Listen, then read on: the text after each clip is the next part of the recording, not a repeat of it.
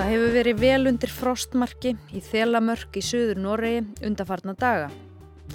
Kuldin hefur smegt sér yfir þykka veggi sem umleikja fangelsið í bænum og inn í klefan þar sem Edda Björk Arnardóttir situr nú. Hún er líklega einn umtalaðasta kona landsins um þessar myndir. Edda hefur verið úrskurðuð í mánar langt gæsluvarðald fyrir að hafa í fyrra numið þrjá sinni sína á brott frá föður þeirra. Hún tók drengina úr umsjóföður þeirra í Norri og fluttið á með engaflugvel til Íslands þvert á úrskur norskra yfirvalda sem dæmt höfðu föðurnum fullt forræði yfir þeim. Deila eddu og barsföðurins hverfist um hvar og hjá hverjum drengjunum er best niður komið. Málið hefur verið á borði barnavendar yfirvalda og domstóla bæði hér á landi og í Noregi. Edda og barsfæður hennar eru bæði íslenski ríkisborgarar en þau byggu í Noregi þegar deilan hófst. Þau höfðu verið par í tíu ár og eignast saman fimm börn, fyrst tvær dætur og svo þrjá drengi. Fadurinn fer með forræði við drengjónum þremur en Edda með forræði við stúlkonum tveimur. Fyrir átti svo Edda tvo eldri sinni og hann eina stúlku.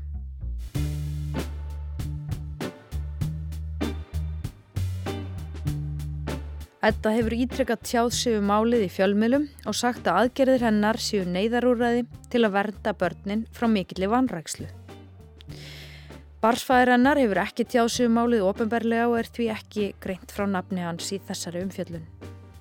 Leifur Runolfsson, lagmaður hans, hefur hins vegar sendt fjölmilum yfirlýsingu frá hannum vegna málsins. Þar segist hann neykslaður á því hversu margir láti sér réttindi sakbortningsins varða og hversu lítil samfélagsumræða er um réttindi barna.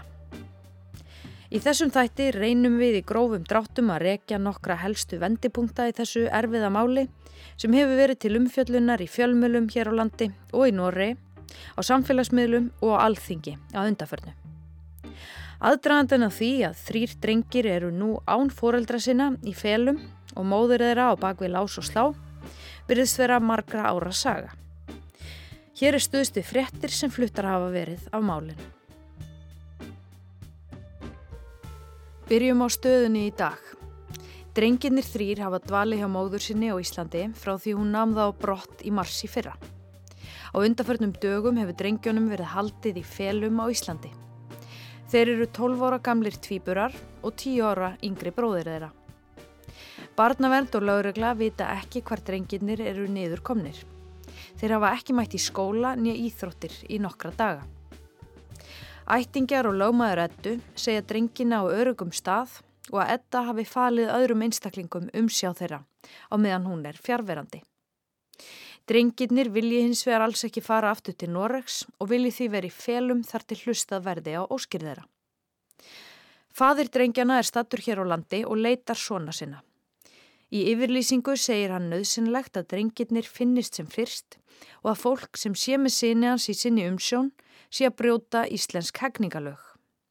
Hann byðlar til þeirra sem kunna hafa vittnesku um dvalastað þeirra að hafa samband við lögreglu. Edda er vistuð í þelamerkurfangelsinu í síen. Það er aðalega þekkt fyrir að hafa hýst norska hriðverkamannin Annars Bering Breivik.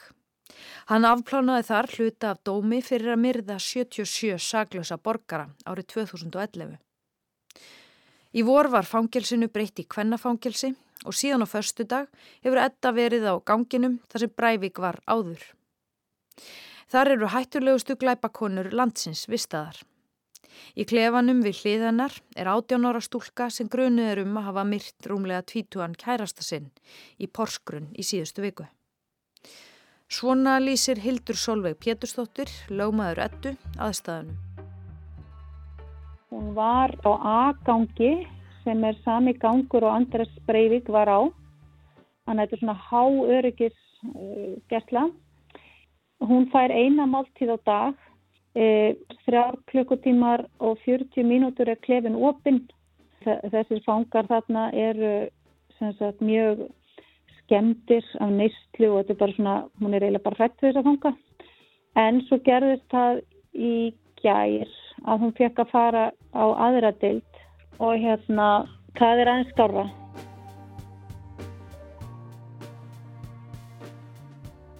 Bökkum nú aðeins að upphafi deilina þessara fyrverandi hjóna.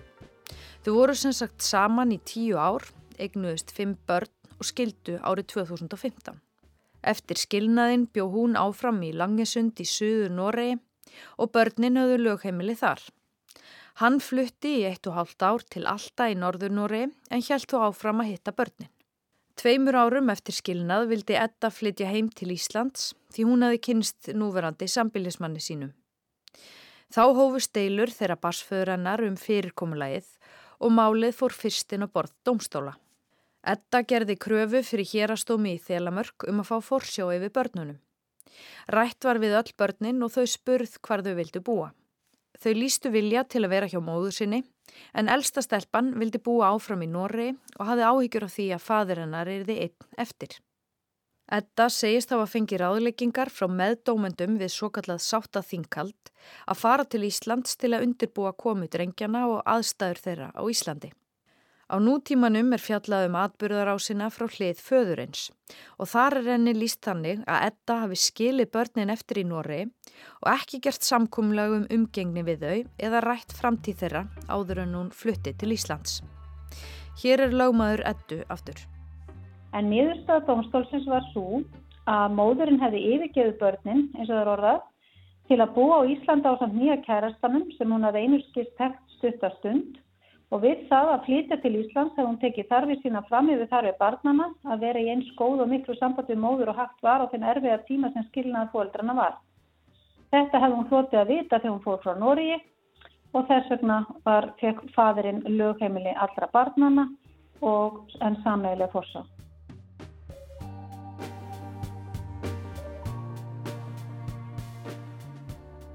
Etta áfríði þessu til næsta dómstíks. Aftur var tala við börnin sem í grófum dráttum endur tóku frambörðsinn. En það duði ekki til, niðurstaða undirrettar var staðfest. Þetta var í oktober 2018. Næstu stóru vendingar í málinu voru svo þegar börnin kom í vetrarfrí til móður sinnar á Íslandi í februar 2019.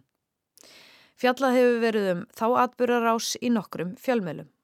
Að þá finnst henni þau vera alvarlega vanrægt og það var meðal annars út af því að tannhelsa drengjana var hérna mjög slæm. E, það voru byllandi tannrótarsýkningar, það voru fyllingar farnar á tannum, tannhold eins drengjarana var það bólki og síkt að það þurfti skurðagerð og svæfingu til þess að bara skerja hann, þetta var sex ára. Og stúlkonum leið mjög illa Þá sagði Edda að föðurinn hafa vannrægt að gefa einum drengjana liv við meldingasjúkdómi sem hann glýmdi við og gerði fleiri alvarlegar aðtöðsemtir við umhyrðu barnana í umsjá föðurins. Hún segir að hann hafi reynd að koma í vekk fyrir að gert yrði við tennur drengjana á Íslandi. Fadurinn segir hins vegar aðra sögu að tannskemdir hafi ekki verið afleðing af vannrækslu. Norsk barnavendar yfir völd töldu að drengirnir gætu fengið tannlækna þjónustu í Noregi og ekki væri ástæða til að grýpa í taumana. Edda ákvað þá að skila drengjónum ekki á tilskildum tíma aftur til Noregs. Fyrir það hlaut hún sex mánada dóm í Noregi sem hún afplánar í samfélagsþjónustu á Íslandi. Þessi ákvörðun Eddu útskýrir samkvæmt hlið föðurins á nútímanum hvers vegna hún situr í gæsluvarðaldi í dag. Fadir drengjana fór þá í það sem kallast afhendingamál og krafðist þess fyrir íslenskum dómstólum að fá börnin aftur til sín.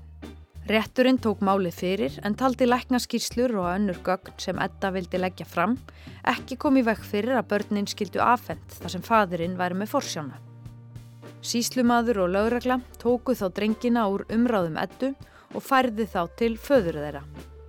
Dæturnar neituðu hins vegar að fara og öruðu því eftir hjá móður sinni. Í kjölfarið hóf fadurinn forsjármáli í Noregi. Rétturinn þar fjælst á beðinni lögmanns hans um að styðjast við neyðarheimild í norskum barnalögum meðal annars þess efnis að og hún fá ekki að vita á stefnunni, hún sé ekki búið til þingalsins og allt í hennu bara fær hún tilkynningu að hún sé ekki lengur með forsjá.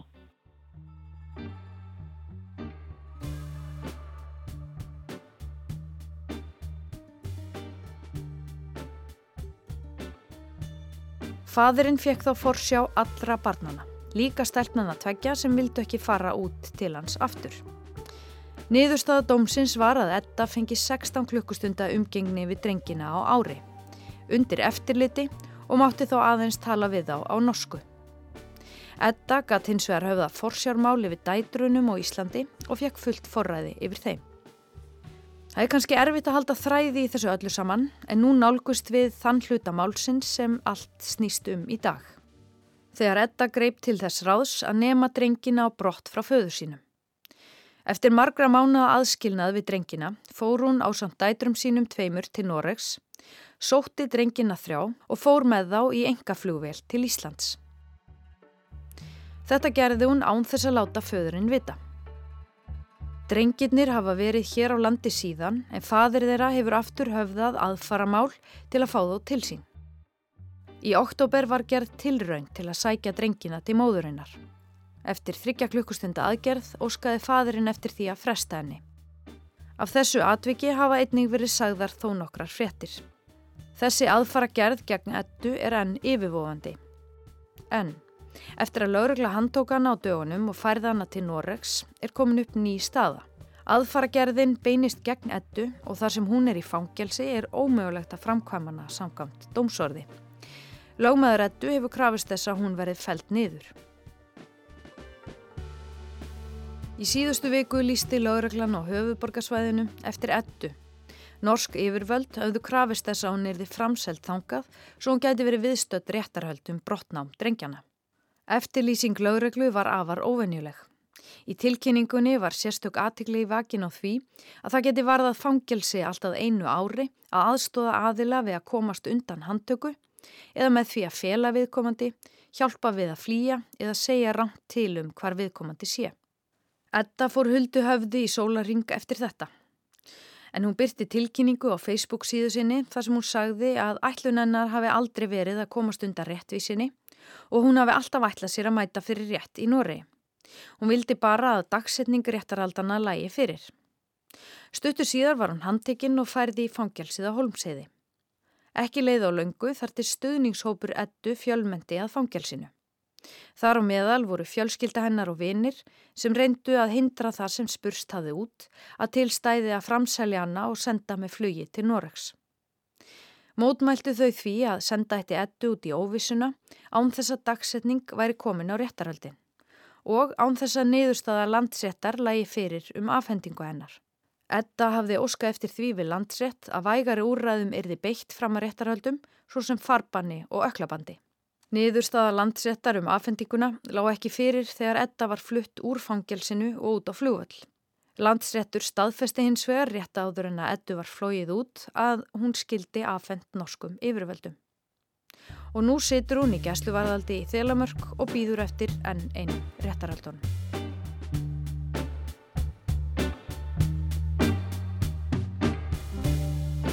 Svona ljúkum við helstinu í dag. Við gerð þessa þáttar var meðal annars stuðst við fréttir Rúf, Stöðvar 2, Vísis og heimildarinnar. Við tölvi ettu sjálfa í stundinni en jáfnframt hlið föðurins sem reyfið hefur verið á nútímanum. Ég heiti Þóra Tómasdóttir og þakka ykkur fyrir að hlusta í dag. Þetta helst verður aftur á dagskrá á morgun strax að loknum hátægisfrétt.